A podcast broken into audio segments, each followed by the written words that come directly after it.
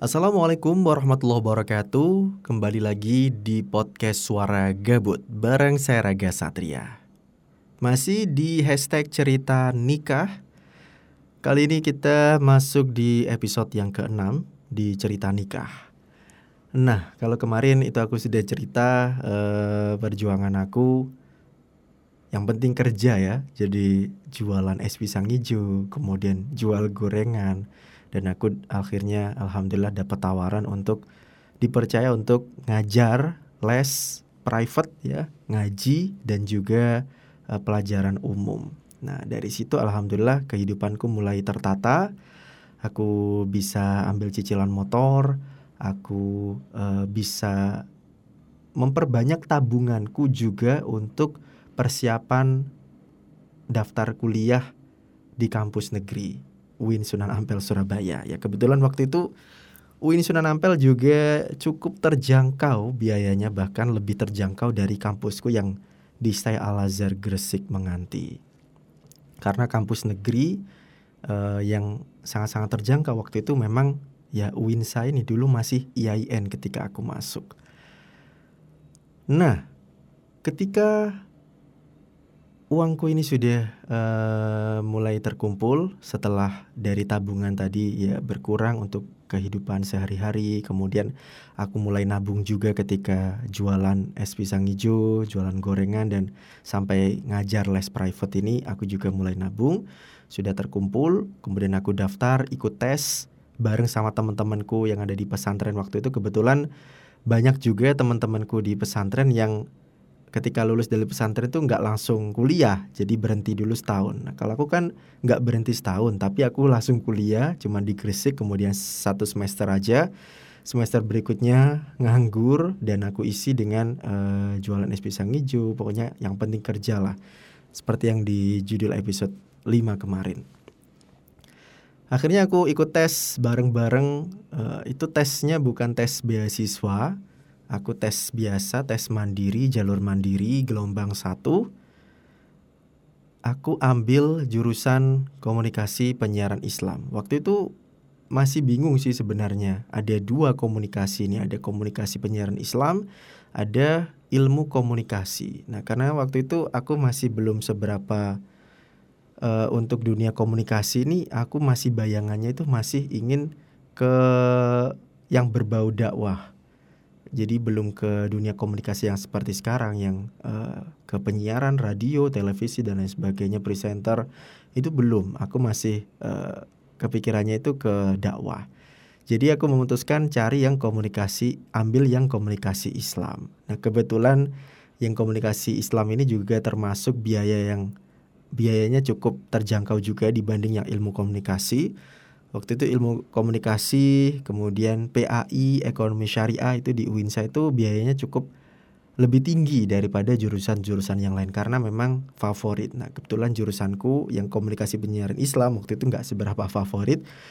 Sehingga biayanya murah dan alhamdulillah lulus juga. Kebetulan bareng sama temanku waktu itu teman-teman yang ada di pesantrenku ada yang ambil usuludin ada yang ambil uh, syariah ya uh, hukum kalau nggak salah hukum Islam. Dan ada temanku itu yang bingung mau ngambil apa jurusannya akhirnya ikut. Aku aja kamu jurusan apa? Komunikasi penyiaran jauh aku ikut. Ya dan sampai sekarang pun ya masih baik juga sama aku. Sudah kayak saudara sendiri juga. Uh, dulu hidup sering bersama-sama bareng-bareng.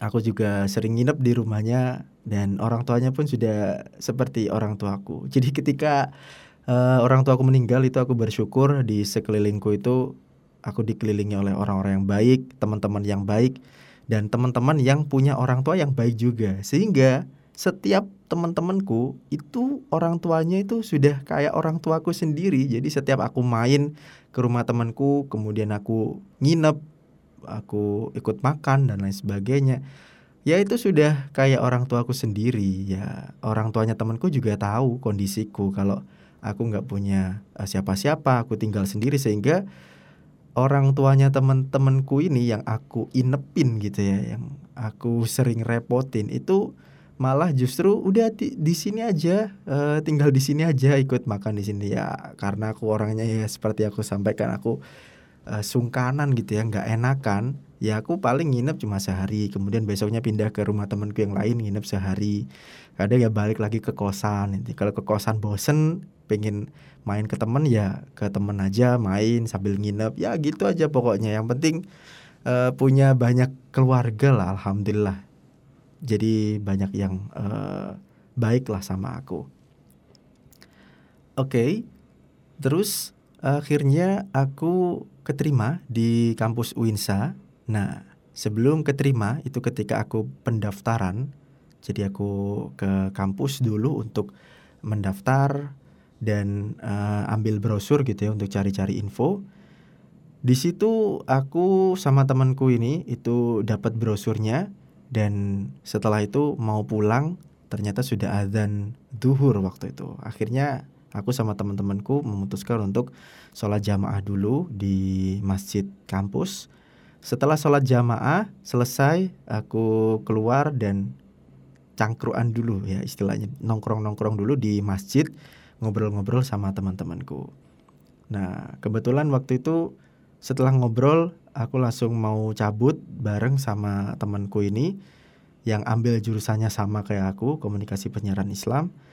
Aku mau pasang sepatu. Nah, di sampingku ini ada bapak-bapak pakai seragam dinas kalau nggak salah waktu itu, seragam dinas PNS lah.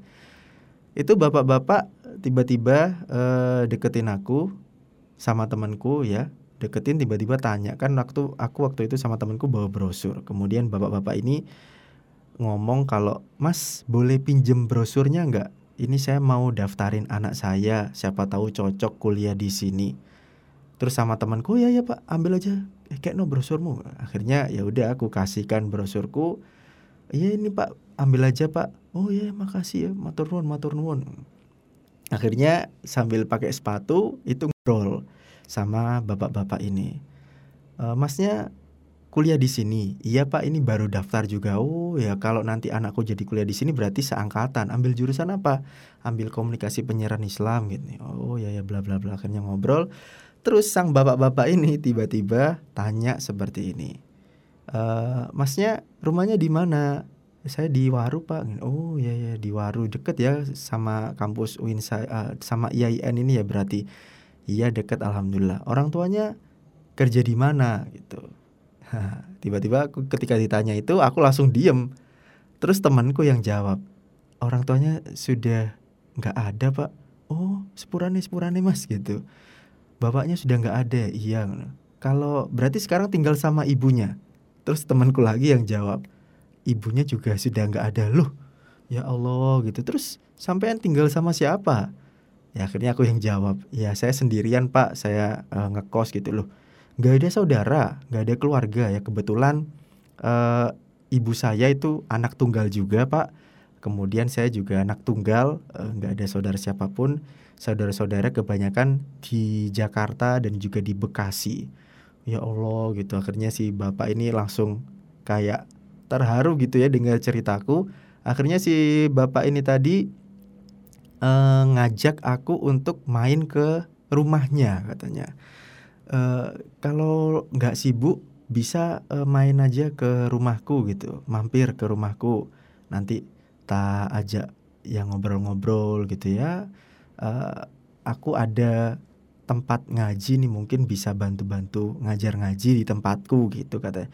Oh iya ya boleh Pak boleh di di daerah mana di daerah sini daerah sidoarjo kota gitu ya udah akhirnya waktu itu aku mutusin uh, nekat untuk cari alamatnya. Waktu itu alamatnya ditulis kemudian aku simpan. Dan waktu itu si bapak ini tanya juga masnya sudah punya calon? Akhirnya saya ya tertawa nggak jawab. Yang temanku yang jawab lagi alhamdulillah sudah ini sudah punya pacar gitu katanya. Wow ya alhamdulillah aja aja pacarnya atau calonnya itu ikut main ke rumah bapak gitu. Oh nggih nggih insya Allah saya gitu. Ya udah akhirnya aku eh, aku kan nggak tahu jalan sehingga aku ngajak eh, istriku ini ya calon istriku ini tadi untuk ikut main atau silaturahim ke rumah bapak-bapak ini tadi yang aku temuin di Uinsa. Nah, ketika aku cari alamatnya, istriku yang bagian pegangin kertasnya sambil kalau nggak salah waktu itu sudah ada Android sambil lihatin maps gitu ya. Akhirnya sampai di tempat yang mana itu ada tulisannya pondok pesantren. Ini bapak ini bener nggak sih ngasih alamat kok kok di pesantren? Terus aku tanya akhirnya sama orang-orang yang ada di sekitar situ pak mau tanya alamat ini uh, jalan ini ini nomor ini terus atas nama bapak ini. Oh ya itu mas. Betul mas. Loh pesantren itu pak? Iya pesantren gitu. Oh akhirnya aku masuk. Ternyata si bapak-bapak ini tadi yang pakai baju dinas PNS ini ternyata beliau adalah seorang kiai pemilik pondok pesantren yang ada di daerah Sidoarjo. Namanya Pondok Pesantren Asalim. Pesantren seni Asalim ya. Ada nama seninya. Nanti kapan-kapan aku ceritain juga. Dan ini uh, pesantren seni Asalim ini juga aku angkat di skripsiku waktu itu. Aku jadikan penelitian juga karena keunikannya masih jarang juga ya yang ada pesantren namanya pesantren seni nah ini kalau teman-teman mau baca silakan. Bisa googling aja pesantren seni Asalim atau uh, di Winsa itu ada skripsiku aku tulis di situ. Bahkan sudah aku upload juga di jurnal nasional di UII kalau nggak salah dan itu tembus juga di jurnal nasional alhamdulillah. Nah setelah aku sampai di situ aku ngobrol-ngobrol di situ ada beberapa santrinya juga uh, yang menyambut aku gitu ya. Oh akhirnya datang juga sampean mas. Wala jenengan ternyata Pak Kiai tuh saya bilang gitu. Kiai Kiai opo? Kiai gendeng dah gitu. jadi beliau ini orangnya sangat humoris sekali dan ya uh, lucu lah pokoknya humoris kemudian suka suka bercanda dan uh, pembawaannya bikin orang seneng lah pokoknya. Akhirnya aku ngobrol-ngobrol di situ uh, dan aku kenalnya oh ini tah calon nih. Ya terus istri, uh, calon istriku atau ya calon istriku waktu itu ditanyain sama si abah ini mbaknya sudah berapa lama sama mas ini? Ya sudah sekian sekian sekian gitu cerita ojo gelem mbak lek pacaran suwe-suwe jaluk ondang dirabi gitu katanya waktu itu. Kenaan nih lek pacaran suwe-suwe kata ngenak no iki raga gile pacaran suwe katanya gitu. Ya istriku hanya pendiam jadi ya senyum-senyum aja gitu. Oke, singkat cerita, akhirnya aku sudah akrab dengan beliau dan akhirnya beliau ini ternyata di pesantrennya itu isinya itu kebanyakan adalah anak-anak yang yatim, anak-anak yang nggak punya orang tua, dan setiap hari Ahad itu ada acara uh, istighosa bareng, sholat duha berjamaah, dan juga santunan anak yatim. Nah, kenapa aku diajak ke situ? ya karena memang beliau ini uh, konsen untuk membina anak-anak yang yatim ataupun yang yatim piatu yang ada di sekitar pesantrennya waktu itu. Dan kebetulan waktu itu ketemu di kampus waktu itu. Akhirnya aku ya diajak ke sana untuk ikutlah mendapatkan santunannya juga. Kemudian eh, santri-santri yang ada di sana itu memanggil beliau dengan bukan pakai nama abayai atau uh, Gus atau apa tapi manggilnya ayah. Sehingga lebih dekat dengan beliau dan otomatis waktu itu aku juga awalnya manggil abah atau bapak gitu ya. Aku disuruh manggil ayah juga waktu itu. Dan uh, akhirnya singkat cerita aku sama ayah ini tadi itu sudah kayak keluarga sendiri. Ayah itu sudah seperti ayahku sendiri dan ayah menganggap aku sudah seperti anaknya sendiri. Nah, pernikahanku di usia 21 tahun itu berawal dari ketika aku ketemu dengan ayah ini tadi. Seperti apa? Nanti aku lanjutin di episode berikutnya. Pantengin terus podcast Suara Gabut bareng saya Raga Satria. Saya pamit. Wassalamualaikum warahmatullahi wabarakatuh.